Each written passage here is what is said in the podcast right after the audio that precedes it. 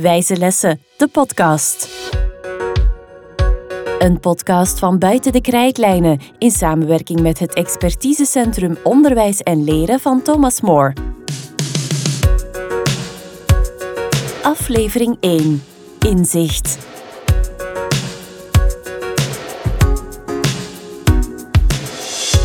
Hallo en welkom bij de Wijze Lessen podcast. In 14 afleveringen brengen wij jou 12 didactische bouwstenen bij om je lessen beter en effectiever te maken. Mijn vaste gast in deze podcast is Tim Surma, de managing director van het expertisecentrum Onderwijs en Leren van Thomas More en een van de auteurs van het boek Wijze Lessen. Dag Tim. Goeiedag. Tim, hoe lang heb je eigenlijk zelf voor de klas gestaan? Echt?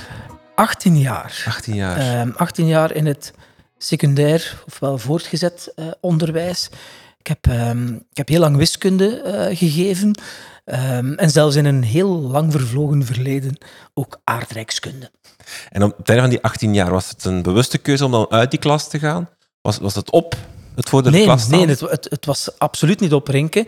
Eh, alleen was het moeilijk combineerbaar met, de met de andere dingen Ja. die op het pad kwamen. Dus ik heb eigenlijk het, wetenschappelijk, het meer wetenschappelijk werk eh, een drietal jaar gecombineerd met eh, mijn werken aan de, aan de Open Universiteit in Nederland. Maar toen het, eh, de uitdaging bij Thomas Morder aankwam, toen werd het wel eh, vrij snel duidelijk dat het heel moeilijk was om nog een, een goede huisvader te zijn voor die leerlingen en tegelijkertijd ook een goede huisvader voor een, een expertisecentrum. In 14 afleveringen gaan we de 12 bouwstenen die in het boek Wijze Lessen aan bod komen toelichten aan de mensen.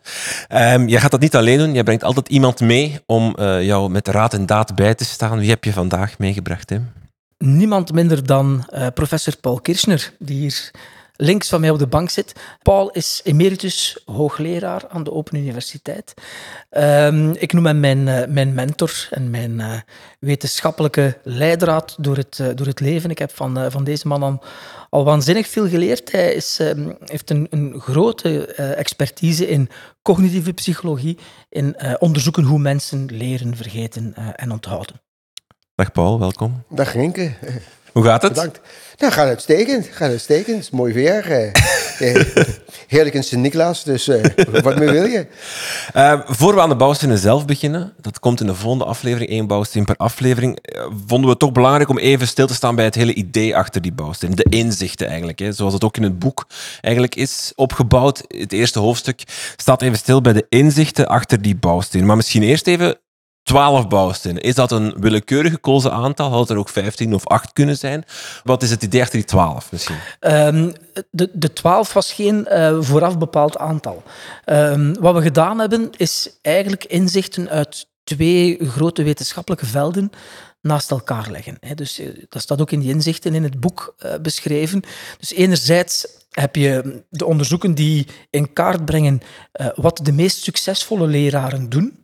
Dus laat ons dat samenvatten als lerareneffectiviteitsonderzoek, die dus eigenlijk systematisch ehm, in kaart brengen hoe een leerkracht zijn, zijn of haar les start, welke soort uitleg dat hij geeft, hoeveel oefenkans dat hij biedt, enzovoort. Dat is zo het, het, het onderzoek dat onder andere door Barak Rosenschein eh, in realiteit is gebracht. Dat is één grote tak. En de andere tak, daar is, eh, ja, daar is Paul eh, grootmeester in, dat is de, de cognitieve psychologie, die dus eigenlijk ook verklaart waarom iets kan werken vanuit het onderzoek naar menselijk leren enzovoort. En als je die naast elkaar legt, beide, van die, beide takken die genereren heel veel inzichten. En wat ons destijds opviel, jaren terug, Paul, ik zie ons nog zitten daar in een eh, bureau in, in Heerlen, dat was van, ja kijk, als je eigenlijk gaat kijken naar wat de succesvolle leraren doen, dan passen die eigenlijk bewust of onbewust principes van menselijk leren toe. Een leraar die zijn of haar les start met een korte herhaling van wat de vorige keer gezien is, die past eigenlijk het spacing-effect toe, dat zijn origines kent, tot bij Ebbinghaus eh, meer dan een eeuw geleden. Hè. Dus met andere woorden, het spreidingseffect, of het, het, het herhalingseffect, ehm, is daar een voorbeeld van. En als je die begon te puzzelen, dan, hebben wij, dan zijn wij uiteindelijk tot een twaalftal grote overeenkomsten gekomen die wij dan eh, de bouwsteen van het boek hebben gelabeld. Is dat het vernieuwende, de, het unieke, de, de USP van het boek Wijze Lessen? Dat het die, wat, wat goede leerkrachten doen, koppelt aan cognitieve psychologie? Eh, ja, dat zou je kunnen zeggen. Ehm, ik, ik merkte jaren geleden, als ik een eh, openbare lezing gaf, eh, aan docenten op scholen. Dit deed niks toe of het een basisschool was of een voortgezet onderwijs. En ik vertelde ze van wat de wetenschap ons geleerd heeft.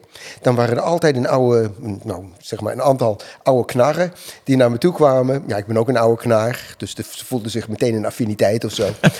en ze, ze zeiden van, ja, goh, ik heb me nooit gerealiseerd, maar dat doe ik in mijn les. Ik heb gezegd van ja, ik ben hier niet naartoe gekomen om te vertellen dat je het verkeerd doet of slecht doet. Ik probeer je hier ehm, te helpen begrijpen waarom datgene wat je doet als je een goede leraar bent, ehm, waarom dat een effect heeft. En als je weet waarom het een effect zou kunnen hebben of niet heeft, dan kan je ehm, nou, beter over nadenken over wat zou ik wel moeten doen. Ehm, wanneer zou het wel werken, wanneer werkt het niet. Het geeft je een verklaring voor iets wat je zelf aanvoelde van... hé, hey, het is me vandaag niet zo gelukt. Het geeft je een verklaring voor waarom het misschien niet gelukt heeft. Je kan het net zo zien als een goede arts die anatomie, fysiologie en zo kent. En dan denkt van, hé, hey, ik heb iets een patiënt hier, hoe moet ik het aanpakken? Zou het met hem of haar werken of niet? En als je iets gedaan hebt en het heeft niet de effect gehad wat je dacht dat het zou moeten hebben, kan je er, dus we noemen dat een reflective practitioner, een nadenkende praktijkmens, kan je, heb je de, de, de wetenschappelijke kennis om er op een goede manier over na te denken en denken van hoe kan het de volgende keer beter? Eh, waarom heeft dit wel gewerkt, waarom heeft het niet gewerkt? Waarom werkt het bij de vak 1 wel en bij vak twee niet. Waarom werkt het bij deze leerlingen wel en deze leerlingen niet? Zodat je effectiever, efficiënter en meer bevredigend onderwijs kan verzorgen. Ik denk dat heel veel leraren, als die die bouwstenen gaan bekijken, gaan inderdaad het, het, het gevoel hebben van dat doe ik al, dat doe ik al, dat doe ik al. Het warm water uitvinden is het op zich niet. Het is eerder inderdaad leerkrachten bewust maken van dit werkt en Nou, ik, ik, ik, ik bedoel, als het, een, als het een, een, een, goede en ervaren leerkracht is, dan geeft het hen ehm, de achtergronden om beter te begrijpen wat ze aan het doen zijn en waarom het wel of niet werkt. Als het gaat over een aanstaande leerkracht, geeft die persoon een goede bodem om straks in de praktijk goede lessen te geven. Maar het is wel heel, wat, je wel moet weten hier, en wat heel duidelijk gezegd moet worden, het is niet een afvinklijst. Je hebt twaalf bouwstenen, het is niet in elke les moet ik 1 en 2 en 3 en 4 en 5 doen. En als ik dat doe, is het een goede les. Het is een kwestie van, dit zijn allemaal technieken. Als je, als je kok bent, heb je allerlei technieken, maar je gebruikt niet een techniek voor het braden van een biefstuk bij het bakken van een brood. Nou, dit zijn als het ware dezelfde inzichten voor een docent als die goed onderwijs. Ik zal niet zeggen een goede les, maar goed onderwijs. En dat is een verzameling van alle lessen binnen een curriculum over een periode van tijd. Half jaar, jaar. En daarnaast drinken is het misschien ook toch relevant om aan te stippen. Je, je kan heel snel het gevoel krijgen, ja, dit lijkt vanzelfsprekend. Ja. je moet feedback geven, ja, je moet herhalen, ja, je, je bouwt toetsing in, ja, je geeft goede voorbeelden. Ehm, maar het is pas wanneer die, eh, die kernelementen er niet zijn, dat je beseft wat je mist. En ehm, omdat ze zo vanzelfsprekend zijn, hebben ze ook de neiging om vergeten te worden. Bijvoorbeeld in, in eerder onderzoek binnen lerarenopleidingen, bijvoorbeeld, dan hebben we toch al gemerkt destijds dat concepten als herhaling, hoe vanzelfsprekend ze ook zijn, eigenlijk soms ja, beperkt of wel stiefmoederlijk behandeld worden.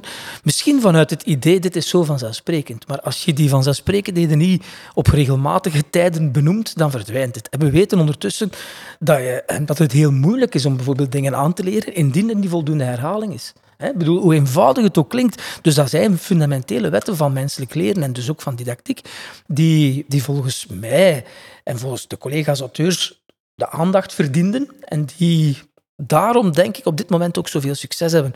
Omdat ze terug naar die, naar die kern gaan van, eh, van wat goed onderwijs is.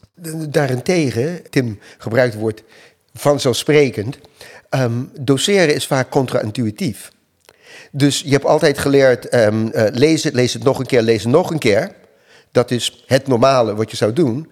Terwijl we weten uit onderzoek dat je beter vragen erover kan stellen. Of vanuit de docent naar de leerling of student toe. Of vanuit zichzelf. In plaats van nog een keer herlezen. Dat herlezen eigenlijk niet werkt. Terwijl, lijkt wel, lees het, lees het nog een keer. Doe het drie keer, heb je het beter geleerd. Dat blijkt niet het geval. Ehm, we zijn gewend eh, om te zeggen van je gaat iets aan iemand leren, je gaat het oefenen tot beheersing.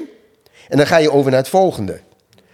Ehm, dus je gaat A leren en je gaat A oefenen, A, A, A, A, A. Ja, en ik denk van oké, het is geleerd. Morgen gaan we verder met B. En doen we het op dezelfde wijze. En drie dagen na gaan we door met C. Nou, je denkt van elke keer van oh, ze hebben het goed geleerd. Maar wat blijkt, eigenlijk als je het zowel bij het leren als bij het oefenen het door elkaar gooit, ja, lijkt dit alsof het minder goed gaat. Maar je leert het beter, omdat je leert daardoor te kijken naar de overeenkomsten en de verschillen. En wanneer gebruik ik A en wanneer gebruik ik B en wanneer gebruik ik C. Terwijl als je het A oefent tot de beheersing, tegen de derde en de vierde oefening, nou ga je het inpluggen, ben je een aap die een kunstje heeft geleerd. En dan gaat je er niet over nadenken. Maar in de real world ja, is het niet zo dat je alleen maar A, je alleen maar AR-woorden in het Spaans en dan ER-woorden en dan IR-woorden en dan regelmatig en dan onregelmatig. Het is allemaal door elkaar en tijden. En zo moet je het ook oefenen. Nou, dat is een beetje contra-intuïtief. Omdat je denkt van je leert het tot beheersing. Maar dat zijn zeg maar de inzichten dat als je het leest en je leest over het variëren van oefeningen, ineens komt er een aha-erlevenis van, oh ja, nu begrijp ik het. Ja, het lijkt wel alsof het langzamer of moeilijker gaat, maar ze leren het beter. Ze mhm. kunnen wel uit elkaar halen wanneer past techniek A en wanneer past techniek B. Dus het is een combinatie van erkennen dat, ja, zo doe ik het en dat gaat goed. En af en toe is het een kwestie van, oh, zo heb ik er nooit over nagedacht. En die twee dingen denk ik dat die ervaren docent ervaart of merkt als die het boek leest. Mhm. Er zitten vijf kerngezichten achter die twaalf bouwstenen. Hoe moet ik die uh, kerngezichten plaatsen? Is dat het fundament waarop die bouwstenen geplaatst worden om in de bouwmetafoor te blijven? Of? Ik vergelijk het vaak met een, met een arts.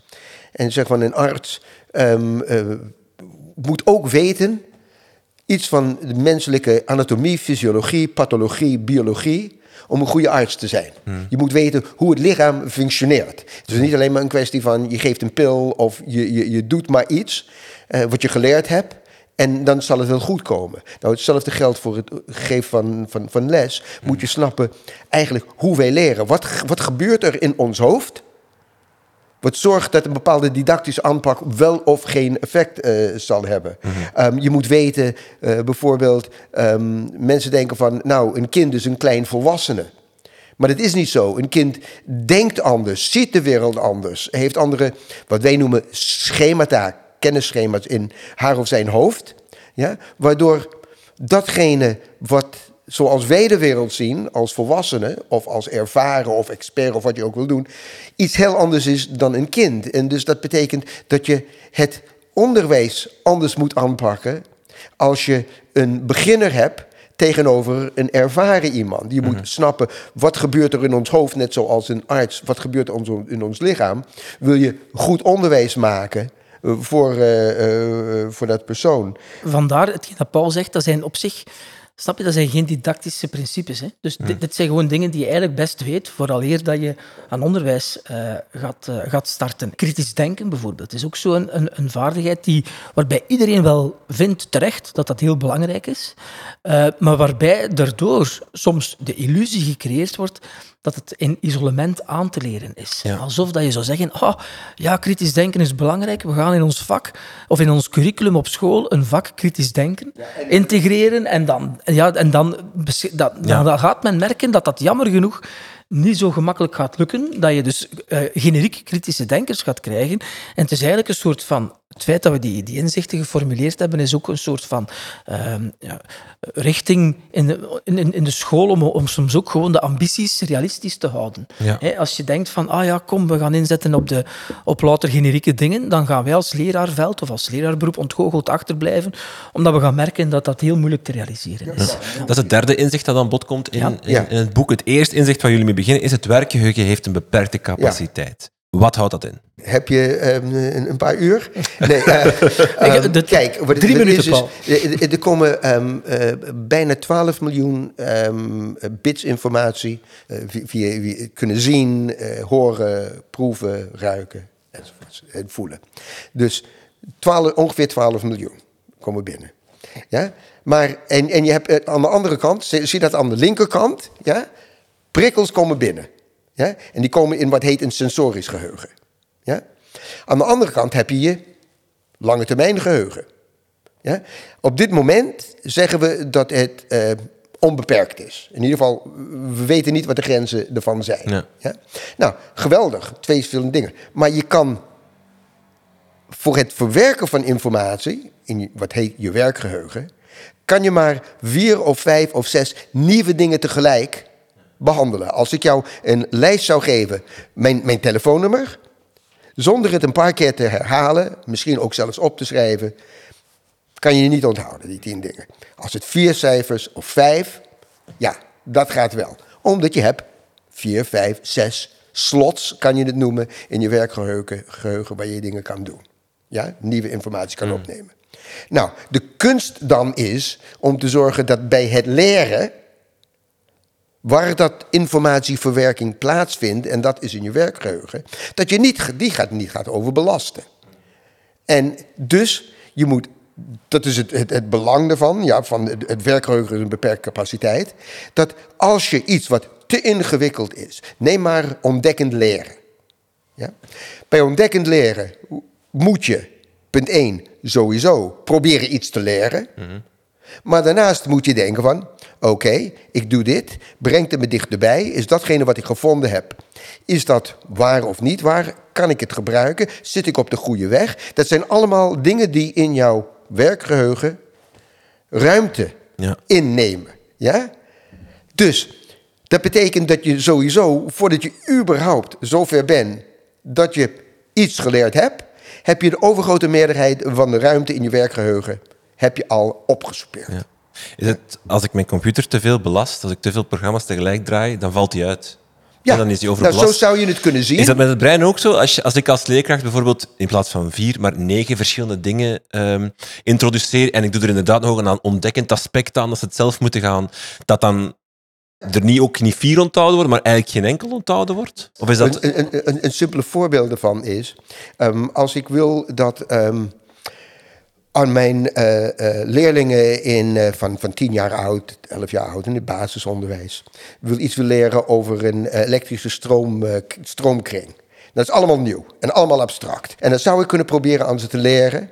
Maar ik weet dat zowel de nieuwe informatie plus het feit dat ze het nergens kunnen plaatsen, dat dat leidt tot een overbelasting van hun werkgeheugen en ze leren weinig tot niets. Wat ik wel kan doen, is als ik weet dat een voorkennis heel belangrijk is voor het leren van nieuwe dingen, kan ik aan ze uitleggen van, ja, hey, kinderen, jullie hebben thuis een eh, centrale verwarming, hè? Nou, er zit daar een, een, een, een, een, warmtebron erin die het, het, het water eh, opwarmt. En eh, nou, wat gebeurt er daarna? De kinderen zeggen, nou, het gaat door een buis, ja, heel goed. Naar een, een, naar, waar naartoe? Naar een radiator. En, en, en, en stopt het daar? Eh, nee, het eh, stopt daar niet, omdat het stroomt weer terug naar, eh, naar die kachel toe. Even wat koeler om weer opgewarmd te worden. En dan heb je een, een kring. Nou, dan kan ik overgaan. Nou, met elektriciteit is het ongeveer hetzelfde. Maar we hebben niet een kachel, maar we hebben een batterij. Wat heb ik gedaan? Nou, ik heb van dat heel abstracte iets... heb ik een schema in hun hoofd geactiveerd... waarin ze al dat nieuwe kan hangen, kunnen hangen.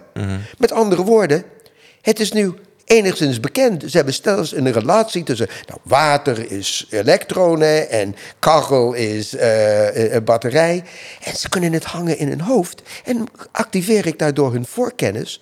Waardoor, en dat is een didactische techniek van het activeren van voorkennis... waardoor ik zorg dat ze dat nieuwe wat heel abstract is en misschien niet geleerd was. Als ik begon met het tekenen van een stroomkring en wat dan ook, nu kunnen ze dat onthouden. En ze hebben een kapstok, een anker, om het aan te hangen. Nou, dat is eh, zeg maar, je werkgeheugen is beperkt, maar als ik gebruik maak van een wat heet een advanced organizer, om hun voorkennis goed tevoorschijn te halen, waar het nieuwe aan opgehangen kan worden, kan ik het wel presenteren en kunnen ze het leren. De expert denkt anders dan de beginner, het tweede inzicht. Het idee leeft soms dat, uh, dat we vooral eh, dat, dat, we bij jonge kinderen dat die ook al geboren worden als mini-wetenschappers of als, uh, als, mini-volwassenen. En dat, dat, dat klopt jammer genoeg niet, niet helemaal. Hè. Dus het, het, het feit dat een, een kind nog niet over bepaalde kennisschema's beschikt, zorgt er ook voor dat die dat heel wat moeilijker vinden om dat ook echt toe te gaan passen in complexe situaties. Dus dat is gewoon een inzicht dat we in ons achterhoofd moeten houden. Een noviet in een bepaald domein heeft op zich niks met leeftijd te maken. Ik kan nu op deze leeftijd nog altijd noviet zijn in een ander domein. En op dat moment zijn er andere, zijn er technieken die meer kunnen werken dan andere. Je ziet de wereld gewoon anders. Je ziet de wereld anders. Als je iets, Paul heeft ooit uh, geschreven, en wat je weet bepaalt ook wat je ziet. En dat is ook iets dat, uh, dat we in ons boek duidelijk maken met een aantal concrete voorbeelden. Een expert schaker ziet in één aanblik een bepaalde positie op het schaakspel, waarbij hij zegt, ah oh ja, dit is de Italiaanse opening en dit zal gaan gebeuren enzovoort. Terwijl een noviet schaker, zoals ik zelf, gewoon denkt, ah oh ja goed, ik ken de regels wel al net genoeg, ja. genoeg, maar ik weet eigenlijk niet welke volgende zet ik ga doen. Ja. Nu, dat is uiteraard transfereerbaar in, alle, in, in meerdere domeinen. Hè. Dus als kinderen uh, in het, uh, op school nog uh, amper iets weten over het klimaat, bijvoorbeeld, dan is het natuurlijk, dan mag je niet gaan verwachten dat zij onmiddellijk al complexe klimaatmodellen kunnen gaan lezen of dat zij in groepswerk oplossingen voor de klimaatcrisis gaan kunnen bedenken. Snap je? Dus dat, zijn gewoon, dat is, dat het, het besef dat er, dat er alvorens op, om het tot expert te kunnen komen, moeten een aantal fundamenten aangeleerd worden, zodanig dat ze later wel kunnen denken als een, uh, als een expert. We zijn begonnen met het derde inzicht, generieke vaardigheden ja. aanleren. Het doel is niet altijd het, uh, het, het, middel eigenlijk. Dus we springen direct naar het vierde. Leren is niet hetzelfde als presteren. Het, het is zelfs heel anders. Dus ja. je kan als leerkracht de illusie krijgen um, door, in, door het leren te beoordelen in een eigen les dat er iets geleerd is. Concreet voorbeeld. De, Paul sprak er net al over. Je hebt een les en je, je geeft les over bijvoorbeeld wiskunde. Je leert vergelijkingen aan, aan, aan leerlingen.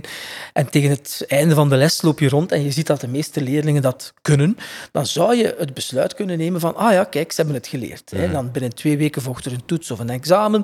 En dan blijkt dat ze dat toch niet zo goed kunnen. Dus blijkbaar is er een verschil tussen een momentane prestatie, of kan er een verschil zijn tussen een momentane prestatie van leerlingen en, uh, pre en de prestaties op lange termijn die wij dan leren hmm. noemen. Hè? Ja, leren is, een, is een verandering in je lange termijn geheugen. Het is stabiel. Terwijl, en, en, en het is soms moeilijk om te zien. Terwijl presteren is iets wat je makkelijk kan zien op een, op, op een toets, op een proefwerk. Mm. Maar het is tamelijk fragiel, broos. Mm. Um, uh, word je even in je denken onderbroken, ben je het vergeten. De, elk docent heeft dit ervaren van kinderen hebben een toets gehad, ze hebben geblokt de avond van tevoren, ze krijgen een fatsoenlijke uh, cijfer erop. Drie weken later ga je verder op in op iets wat ze drie weken eerder hadden moeten leren. En je denkt van, hoe kan dat nou? Maar je hebt het toch geleerd? We hebben het toch behandeld? Ja? Ja, ja, en, en, zo, en, en dus het is, het is niet een stabiel verandering in hun, nee. in, in hun lange termijn. Uh, en dus met andere woorden, het is geen leren, het is presteren op een toets. Nou, dat is uitstekend, maar het doel van het onderwijs is om te zorgen dat het volgende week, volgende maand, volgend jaar, over tien jaar, dat het nog ergens erin zit. En als het eruit is, omdat vergeten is belangrijk, is normaal. Op het moment dat je het vergeten bent, kan je het heel snel en heel simpel weer terugleren. Ja. Terwijl als je het alleen maar voor een toets hebt geleerd door te blokken de avond van tevoren, de volgende keer over een maand of twee maanden dat je het moet gaan doen, moet je het opnieuw en eigenlijk misschien voor het eerst. Is het gevolg dan dat je, dat, dat je onderwijs, je school, je, je les moet gebouwd zijn naar het leren en niet naar het presteren. Klopt. Wat misschien nu, of wat soms wel gebeurt, dat je je les opbouwt naar een toets toe, of je les, ja. um, of je school is, is gebouwd rond rapporten of rond ja. examens, wat op presteren staat. En misschien te veel vergeet, ja. we moeten eigenlijk lange termijn veranderingen in, in, het, in het brein, in het denken van een leerling teweeg Maar er zijn heel simpele dingen die je kan doen, ja, tussen aanhalingstekens, um, om het in ieder geval te helpen bevorderen. Eén uh, uh, zo'n ding heet een cumulatieve toets. Hoe toetsen we nu? Ja. Laten we uitgaan, fictief, van een, een, een, een stuk uh, cursus wat, uh, of, of een vak wat 12 weken duurt. Je doseert week 1, 2 en 3 en aan het einde van week 3 ja, geef je een toets mm. over weken 1, 2 en 3. En dan gaan we verder met de waan van de dag gaan we in week 4, 5 en 6. Geven we weer onderwijs. Aan het einde van week 6 geven we een toets over week 4, 5 en 6. Hetzelfde in week 9. Maar aan het einde, in week 12, moet je het over het hele jaar. Ja. Ja? Zou anders als je zijn van, nou, aan het einde van week 3 geef je een toets over 1, 2 en 3. En aan het einde van week 6, 30% van het proefwerk is over de eerste drie weken. En 60, 70% is over de volgende drie weken. Wat doe je? Je zorgt dat datgene wat in week 1, 2 en 3 ook relevant is. Ook ja, spaced practice, weer geoefend moeten worden daarin. Ja? En aan het einde van week 6 heb je iets wat zowel de, alle zesde weken noodzakelijk zijn. Aan het einde van week 9, en het is allemaal fictieve cijfers, zou je kunnen zeggen van, nou, je doet het eh 25, 25 en 50 procent. Ja. Ja? En aan het einde van week 12 geef je het over het hele jaar. Wat heb je gedaan? Je hebt de oefening gespreid. Dat is punt 1. Je hebt de oefeningen door elkaar gegooid. De variability of practice. Ja, interleaving effect, wat je het ook wil noemen. Heb je gedaan. En punt 3. Heb je gezorgd dat de avond van tevoren... dat iemand niet bezig is aan, het eind, aan, de, aan de laatste dag van week 12... of de avond voor de laatste dag van week 12... voor het, voor het eerst in 11 weken... kijk naar wat hij heeft gehad in week 1. Ja. Nou, ik zeg niet dat het een garantie voor succes, maar zo'n klein verandering in je normale manier van toetsen of tentaminering zou kunnen helpen zorgen dat je leert in plaats van presteert. Het laatste inzicht is misschien ehm, het meest evidente, ik weet het niet. Eh, wat de meeste effectieve leraren doen, is gewoon goed lesgeven. Ja, daar heb ik net al eh, verwezen bij, de, bij aanvang. Er bestaat heel interessant onderzoek dat in, in kaart bracht wat de meest succesvolle exemplaren van onze soort doen, hè, Renke? Met andere woorden, eh, je, je volgt een grote groep van eh, leerlingen jarenlang en je kijkt welke groep leerlingen dat er eigenlijk vooruitgang boeken. En de, de klassen die het meeste vooruitgang boeken, op structurele basis, daarvan ga je gaan kijken, zitten daar een aantal leerkrachten in die dat stabiel doen, ongeacht de instroom van de klasgroep. Wie boekt het meeste vooruitgang op bepaalde, op bepaalde vlakken? En die leerkrachten die zijn bestudeerd al sinds de jaren 60. En dat heeft dus geleid tot ja, een, een, een soort, toch wel een, een, massale race aan, aan wetenschappelijke publicaties die voor mijn part waanzinnig boeiend zijn, omdat die eh, systematisch in kaart brengen wat de besten van ons doen. En ehm, daar komen dus lijstjes uit, en die lijstjes die genereren ehm, gedragingen van leerkrachten, ehm, waarvan dat we ondertussen weten dat die wat heel vaak gezien wordt door mensen als gewoon goed lesgeven. We hebben al een aantal voorbeelden gegeven. Paul gaf er ook al goed herhalen, eh goede voorbeelden geven. Enfin, eigenlijk de, de, De bouwstenen bouwstenen, die ja. nadien aan bod komen in het, eh, in het boek. En die geven een soort van, een soort van eh, houvast.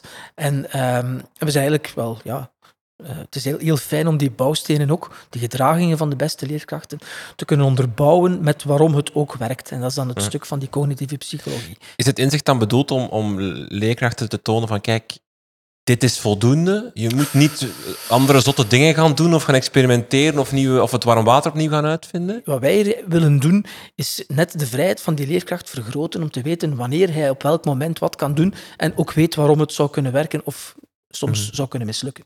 Het is echter, denk ik, heel verstandig om wel vanuit dat fundament te starten.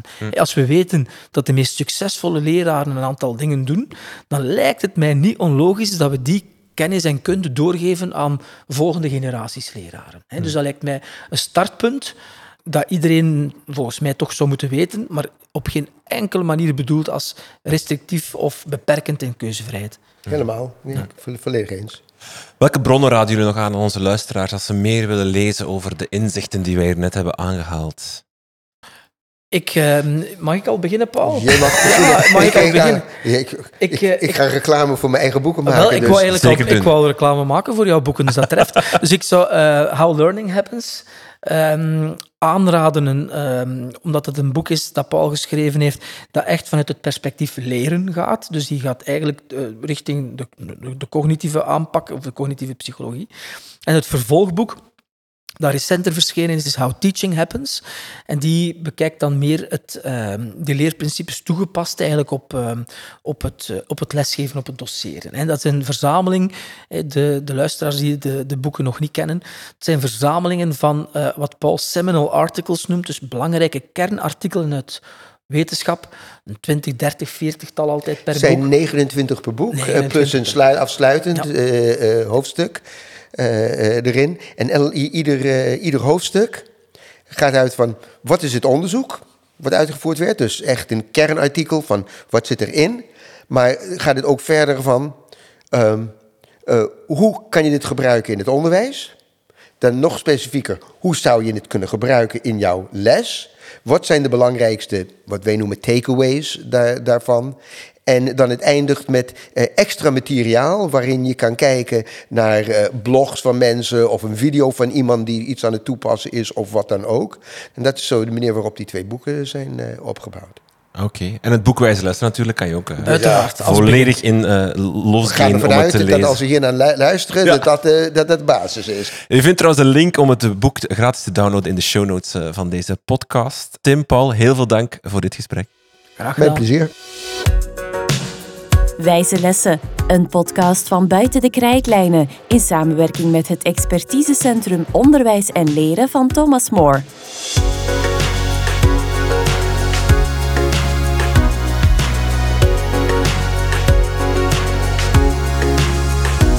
Wil je meer weten over wijze lessen en deze podcast? Surf dan naar www.dekrijtlijnen.be.